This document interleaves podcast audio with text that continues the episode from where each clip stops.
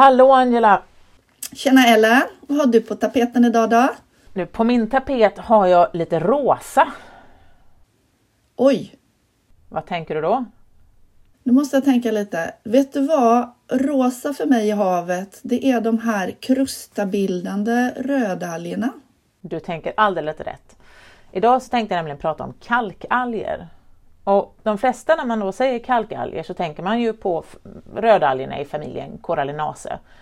Men kalkalger innefattar ju även andra familjer som har förmågan att bilda kalk och där bålen är inlagrad med inkrusterad kalciumkarbonat eller magnesiumkarbonat. Åh gud vad häftigt! Det här måste du verkligen berätta mer om. Ja, idag tänkte jag just att fokusera faktiskt då på eh, den här corallinaceae, de röda algerna. Så kommer vi nämna att det finns lite kul, lite brunt och lite grönt också. Och nu är det makro vi snackar. Ja, vi pratar makro idag. Jag, jag tänkte, det finns ju mikroalger också. Det gör det faktiskt. Som inlagrar kalk bland annat. Vi nämner Emiliania Huxley, kokolitoforiden. Men inte mer än så, för vi vet ju vad som händer om vi går in på mikroalgspåret. Ja, jag lämnar ordet till dig Ellen. Nu kör vi makro. Kalkalg är faktiskt väldigt roligt. Det också en grupp som man inte känt till särskilt mycket om. Den blir oftast lite styvmoderligt behandlad för det är liksom som en bit färgklutt liksom på en sten. Förr i världen på 1600-talet och fram till 1800-talet så trodde man att det var koralldjur. Men sedan mitten av 1800-talet så vet man att de är rödalger. Men som sagt, det är fortfarande ganska mycket som är okänt idag. Och eh, även bland de som, av oss då, som forskar på alger och på ekologi. Så, så det är liksom ett, ett fält där det fortfarande görs ganska spännande upptäckter. Det är lite roligt. Ja, gud ja. ja. Och det som kännetecknar algerna det är att de är hårda eftersom de lagrar in kalk i cellväggarna. Ofta så är de ju rosa eller rödaktiga färgen. Men det finns ju såklart undantag och variationer för pigment och hur mycket ljus och sånt här. Men rosa rödaktiga. Det där tycker jag, jag gillar det där när du säger att det finns väldigt mycket variationer för att det är ju bara, återigen, det är bara vi som vill sätta en etikett på allting och stoppa i en låda. Jag skulle säga att Excel är en naturlig utveckling av människans vilja att sortera naturen i ett rutnät. Oj, det, det gjorde lite ont kände jag. Eller hur? Men du vet att du tycker om att fylla i. Så är det bara. Naturen kan ibland vara medgörlig i, i det här insorteringen och ibland inte. Så vi, oftast rosa, inte alltid. Det kan vara lite olika former. Ofta kan de vara platta eller så kan de vara lite grenade. Eller så kan de vara ledade till och med, liksom, att de har flera celler då som sitter ihop. Alltså spontant så tänker jag ju på det här är ju en favorit, eh, Corallina. Jag kan inte ens, vet ju inte ens vad den heter på svenska. Corallina officialis på latin. Korallalg kallas den för. Ja, det var ett bra namn. Men den är ju otroligt vacker. Kommer du att lägga upp den på tångbloggen kanske? Den finns redan på tångbloggen. Eh, den här månaden däremot så har vi faktiskt eh, kalkalger, skorpalgerna, som månadens alg. Ja men utmärkt! Bra tips! Gå in på tångbloggen och kolla. Ja. Precis. När de är krustbildande så är det alltså just en krusta, det är liksom som, kan man säga, som smält ost kanske. När de är krustbildande så växer de som en skorpa eh, på stenarna. De kommer ofta se ut, så ser det ut som att det är en del av stenen som de växer på. Sen finns det också lite tjockare varianter av de här platta formerna. Och sen så kan de liksom börja svampa upp och få små utskott och ja, bli lite knottriga sådär. Och sen finns det då de buskformiga kalkalgerna som är ledade och ja, ser mer ut som små buskar helt enkelt. Kalken eller kalciumkarbonaten i cellväggarna det är i formen av mineralet kalcit eller kalkspat. Och just det här att lagra in kalk i en cellvägg det är en väldigt krävande process. Och därför så växer kalkalgerna mycket, mycket långsamt. Fördelen då, för att det här är ju en jättekostnad. Varför gör man detta? Jo, det gör ju att du blir väldigt motståndskraftig mot betning och andra former av mekanisk nötning som vågor, is. Och det medför ju då att de också kan bli väldigt, väldigt gamla. Och dessutom så gör ju kalken att de bevaras väldigt bra som fossil, vilka andra alger inte alls gör. Och då har vi också möjligheten att studera utseende hos kalkinlagrade arter som levde för, för jättelänge sedan. Ja, just det. Sen, jag kommer osökt då in på att vi har ju pågående så kallad havsförsurning, att pH sänks i havet. Vet du om de här kalkalgerna när de i sina unga stadier påverkas av detta? Ja, det, det, borde de väl rimligen göra. Jag tror det finns en del studier. Mm, det får vi kanske kolla upp. För det, det, det, är ju definitivt en sån sak som kommer att påverkas om det blir för surt eftersom den här inlagringsprocessen är pH-beroende. Som jag sa innan så finns det ju andra alger som, som också har så att säga, kalkinlagring, kalk, mineralisering kan vi ju säga då. Och inte bara rödalger utan även hos brunalger har vi bland annat eh, algen pardina som eh, vi ofta hittar i Medelhavet. Det ser ut som en liten, som en liten strut. Och där är, har den på cellväggens yta så är det argonitkristaller som lagras in. Oh. Och så har vi ju chetamorpha, en alg som vi har två stycken av i Sverige, en frilevande och en fastsittande. Där är det kalcitkristaller som också är på cellväggens yta. Det är de som ser ut som ett grönt pärlband va? Precis, ärtor på tråden finns också som månadens alg vid ett tillfälle på tångbloggen för den som vill se. Sen finns det eh, intracellulär inlagring av argonit också. Som att det då lagras in i vissa små hålrum inne i cellen. Där ligger bland annat den här grönalgen halimeda som jag tycker är så tjusig. Som ser ut som gröna små diskar liksom som sitter på varandra i tropikerna. Jag blir så glad när man, när man ser den. Den har man hemma i herbariet. Och sen så, så finns det också att de får som ett hölje av aragonitnålar hos den här penicillus. Och då penicillus låter ju som pensel ungefär. Och det är just, den ser ut så, det är en jättehäftig grön alg som finns i tropikerna. Och det ser ut som små rakborstar som står i sandbotten. Har du sett den någon gång? Nej men hur stor är den? Decimetern max kanske? Nej det har jag faktiskt inte. Halimeda har jag ju sett men, men den här var ny för mig. Jag har bara sett någon bild på den i bok så jag har varit ute och, det, det är nästan på min jag vill se-lista. Det är på min lista också nu. Och sen såklart så har vi då det här att inuti cellväggarna då så är det de här eh, rödalgerna vi har här i corallinase. Hos de levande kalkalgerna då i familjen Corallinaceae så är färgen lite så här rosenröd vitaktig. Lena Kautsky brukar beskriva det som att man rör ut lingon i mjölk ungefär. Det där är en väldigt bra beskrivning måste jag säga. Mm. Ja men visst är det. Och så känner man att man nästan skulle vilja slicka på algen när man ser den. För att se om den smakar lingon. Yep. Men när algen dör så blir den såklart vit av kalket som då blir kvar men pigmentet försvinner ju när den dör. Och nästan alla cellväggarna är ju då helt inkrusterade med kalk och då tänker man, men hur kan cellerna kommunicera med varandra? Jo, då har den små luckor i kalkväggarna så, så den kan skicka kommunikation mellan cellerna, vilket är lite fräsigt. Wow! Och eh, det skulle vi kunna ägna många timmar åt att prata om, så det gör vi inte här kanske. Men de finns i havsvatten över hela världen, de här rosa kalkalgerna. I Sverige så är det framförallt på västkusten för de kräver lite högre salthalt än vad vi har i Östersjön. Men då är det också ganska enkelt att hitta dem. För de växer på många olika underlag. De kan växa framförallt på klippor och sten, men de kan också växa på andra växter, epifytiskt. Och de kan också växa på andra djur. Och då tänker vi så här, men vadå, liksom på en fisk? Nej, men det finns ju ganska många stillasittande eller fastsittande djur i havet, exempelvis koraller. Ja. Och grejen med korallalgerna då, eller korallinaceae, är att de klarar sig på ganska lite ljus. Vi pratade om det här innan med, med det här med pigment och att det röda pigmentet gör att man kan ta upp det här liksom, det sämsta ljuset som är minst. Så att säga. Och därför kan vi hitta just sådana här medlemmar i den här gruppen på ganska stora djup där många all, andra alger inte klarar sig. Men de kan också växa nära ytan och då växer de ju under, liksom som bottenskiktet i, i tångskogen. Då trivs de ofta i vatten som rör sig ganska mycket för de klarar ju vågrörelser för de har ju kalken som, som skyddar dem mot den här mekaniska nötningen som vågorna är. När det är riktigt vågigt, du vet, det finns de här platserna som det måste vara helt vindstilla för att man ska kunna bada där för annars så vispas man runt som i en torktumlare. På de platserna på västkusten där hittar du de kalkinlagrade röda algerna för det är väldigt få andra alger som kan bo där. När vi är ute på Ursholmen så hittar vi ibland stenar, riktigt, riktigt stora stenbumlingar uppe på land som har ett, det här vita, det ser ut som någon har dumpat vit målarfärg. Och så tittar man närmare på det och så ser man att det är faktiskt rester av de här kalkalgerna. Och där kan man se hur fantastiskt eh, stark naturen är med vågor och vindar som kastar upp stenar som är Ja, men de är ju halvmeter i diameter och ännu större och de ligger 10, 20, 30 meter upp på land. Det är ju ganska fantastiskt. Ursholmen är ju Sveriges västligaste boplats var det en gång i tiden. Jag skulle nog vilja våga säga att det är Sveriges kortaste järnväg också. Så det är ganska roligt i alla fall då, för just då, då är ju Ursholmen, som är en otroligt vacker plats att besöka, just en, en gynnsam plats för att hitta de här korallerna. För då går man till den blåsigaste stranden och man, vi rekommenderar en stilla dag om man inte är så vattenvan. Och där kommer man hitta dem. Precis under ytan så finns de. Eller så tar man en lite lugnare vik. Mm. Och så delar man på, oftast är det knöltången och sågtången som växer där. Och då så ser man det helt knallrosa under. Även i hällkaren faktiskt, de som är lite närmare. Mm.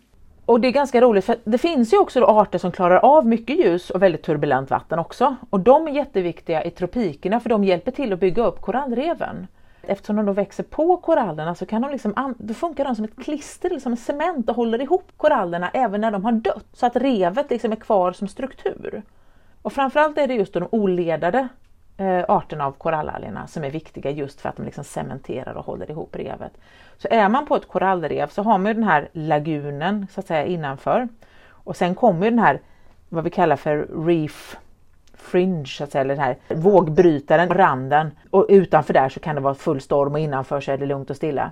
Och just där ute, då brukar det oftast vara väldigt, väldigt mycket av de här kalkkrusterna som sitter och håller ihop revet och skyddar liksom korallerna nästan mer eller mindre håller samman det så att den här barriären fortfarande blir och sen utanför där så kommer massa andra spännande eh, koraller såklart.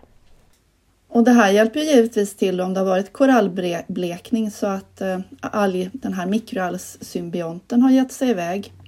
Så, så länge revet då är intakt så finns det möjligheter för de här mikroskopiska symbionterna att eh, återkolonisera. Ja precis och framförallt också att strukturen finns kvar även om rev, delar av revet dör. Så att det inte försvinner och bara blir en tom sandöken.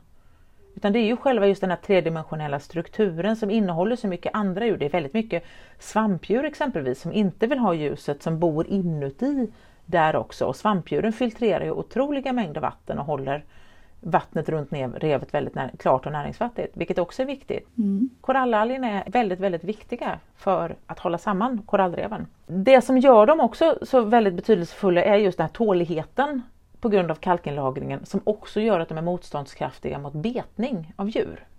Du vet, små papegojfiskar, små sjöborrar etc. När de då är på, på korallreven där och sen så är det helt bart för då finns fiskarna och alla de som tycker om att äta alla mjuka alger som växer där. Det gör ju att de här korallalgerna de får ju ingen konkurrens.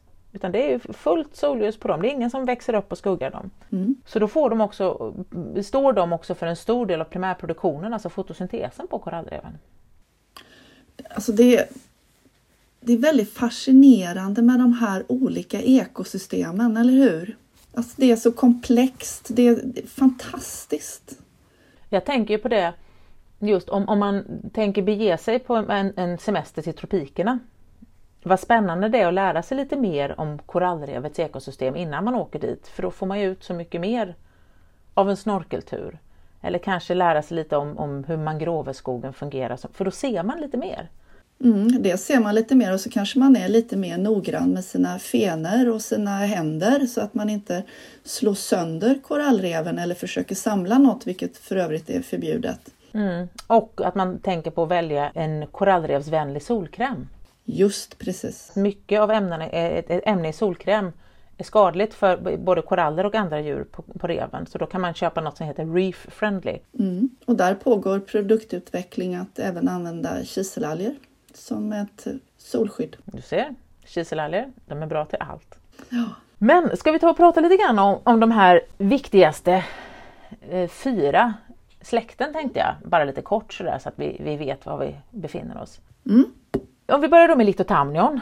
Namnet litotamnion kommer från grekiskans två ord. Det är litos som betyder sten och tamnion som betyder litet träd. Snyggt! Ja, det, jag gillar när man har de här enkla beskrivande namnen. Arterna bildar kruster och bollar. Många kan faktiskt bli större än en knytnäve. Jättefräckt. Eh, framförallt då Bretagne, Skottland. Ibland sitter de fast, ibland är de löslevande på havsbotten. Ytan är försedd med grövre knölar eller finare så här, korallika grenar. Det är ganska många arter inom släktet Litotamnion. De är svåra att skilja från varandra. Men då har vi två typiska arter, Litotamnion fasciculatum i Medelhavet och Atlanten och Litotamnum glaciale i Norra ishavet. Vi har dem på svenska västkusten. De förekommer från ytan. De är jättevanliga om du sopar undan algbältet och tittar. Och de förekommer ner till 30 meters djup, ibland kanske lite djupare. Släktet Pymatoliton, Pymatos betyder svullnader och liton var ju ändå litos sten, så svullen sten ungefär. Eller sten med små bölder på. Också i många fall kruster, buskliknande bålar. De här kan då ibland bilda det här som kallas för stenbuskar eller märl. Det är nämligen så att den här buskformiga typen som förekommer, den bildar små grenar och sen så kan en gren brytas av och då lever den vidare i, i liksom fri rullande form så att säga. Tänk tumbleweed. Jättefräsigt och då kan det bildas såna stora märlbankar. De finns framför allt eh, i Bretagne och i Skottland där man nu har börjat titta på att skydda de här. För innan har man bara, ah, jättebra, det här tar vi upp och så krossar vi det och så gör vi hönsfoder av det eller någonting. Ja, eller har det i trädgården har jag ju sett mycket. Alltså istället för vitt grus. Och då har vi ju redan pratat om att de här tar lång tid på sig att växa. Och så är de jätteviktiga biotoper. Pymatoliten har vi också på svenska västkusten. Märl ganska sällsynt så det är någonting som man letar efter om man ska göra något sånt projekt i havet, att man ska bygga vindkraftverk eller lägga en ledning eller någonting. Så måste man inventera och se så att det inte finns märl just för att då är den skyddad. Det är bra. Sen har vi litofyllum. Och lito igen, sten, fyllum, blad, så stenblad helt enkelt. Ofta skorpformig bål, den är plattad, den kan vara lite så böjd och flikad, alltså lite så, ser lite snissig ut. Men i övrigt så är den väldigt lik litotamniumarterna. Så att ibland när jag är lärare så är jag snäll och säger vi kan säga litotamnium om allt det här så att det inte blir för knepigt. Det gör jag också. För ibland ska man inte bråka för då ska man säga hur ser man skillnad på det och så måste jag ägna mig åt att för... ja nej. nej. Grejen är att skillnaden ligger främst i cellernas struktur och fortplantningsorganens uppbyggnad. Men eftersom de är gjorda av kalk så är det jättesvårt att skära ut det här med en liten skalpell och risken att man skär sig i fingret är så stor så att jag brukar faktiskt strunta i det om jag ska vara helt ärlig. Ja. Men så har vi då din favorit här, Corallina officinalis. Den kallas ju för korallalg på svenska eller lokalt för tussaskägg. Jaha. Att den heter officinalis det betyder att den används inom medicin och den har faktiskt då använts som maskmedel. Främst för mask hos kor. What? Man tänker väl att kalket ska liksom rensa ut masken eller någonting. Och den är jättelätt att känna igen om du hittar den på svenska västkusten för den ser ut som den är byggd lite av små legor nästan. Det är de här tydliga celler som sitter en och en, man tänker sig som små skelett. Mm. En skelettalg. Mm. Jag säger det igen, slå upp den på tångbloggen. Ja, och jag säger så här, du hittar den ofta strax under ytan på platser där det är svårt att bada om det blåser. Det är en ganska bra indikator på att här borde det finnas, om det är på västkusten. Och sen har vi faktiskt arten Melobesia som bildar små skorpformiga kroppar och den är ofta påväxt på andra alger och på musselskal och sånt. På svenska västkusten så har vi Melobesia membranacea. Den här arten är jättespridd. Den förekommer även på Galapagos hur fräckt som helst. Och då har man börjat titta på det här med krustformade rödalger, hur de sprider sig med sporer, hur man kan använda den artspridningen för att kartlägga hur olika miljöer i haven hänger ihop. Mm.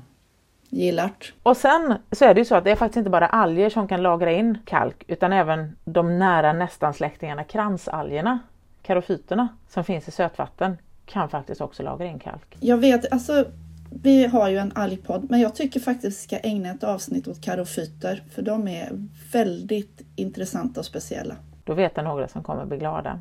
Det är ju ganska fantastiskt ändå med, med kalkalger, för att som vi sa, de bevarar sig mycket bättre i fossil.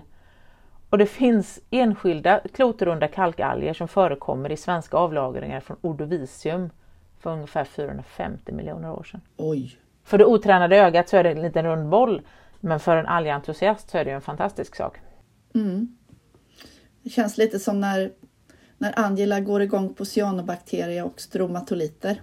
Men det här är ju hur häftigt som helst Ellen och det är väl någonting som man kan uppmuntra att man eh, tar sig ut längs kusten och kikar på de här kalkalgerna. Och fascineras av dem. Såklart de gör och fascineras av allt annat som vi har pratat om också och har med sig sitt lilla kit så de kan göra herbarium och samla ihop mikroskopiska alger och har ett litet kanske köksmikroskop hemma eller handmikroskop med sig. Oh ja, den lilla algentusiastens kit är ju någonting som vi hoppas snart kommer till din leksaksbutik. Ja. Det är ju eh, en trevlig sak att ha som mål i sommar att uh, kika närmare på kalkalger. Nu kanske just de här krustformade algerna inte är så lätta att pressa i herbariet för stenen de sitter på är lite hård. Men man kan ju eh, njuta av dem på plats. Man kan ta kort. Precis, det kan man göra. Mycket trevligt. Ja, Men då ses vi vid kusten sen då, Ellen. Ja, men det gör vi. Ha det fint. Tjing tjing!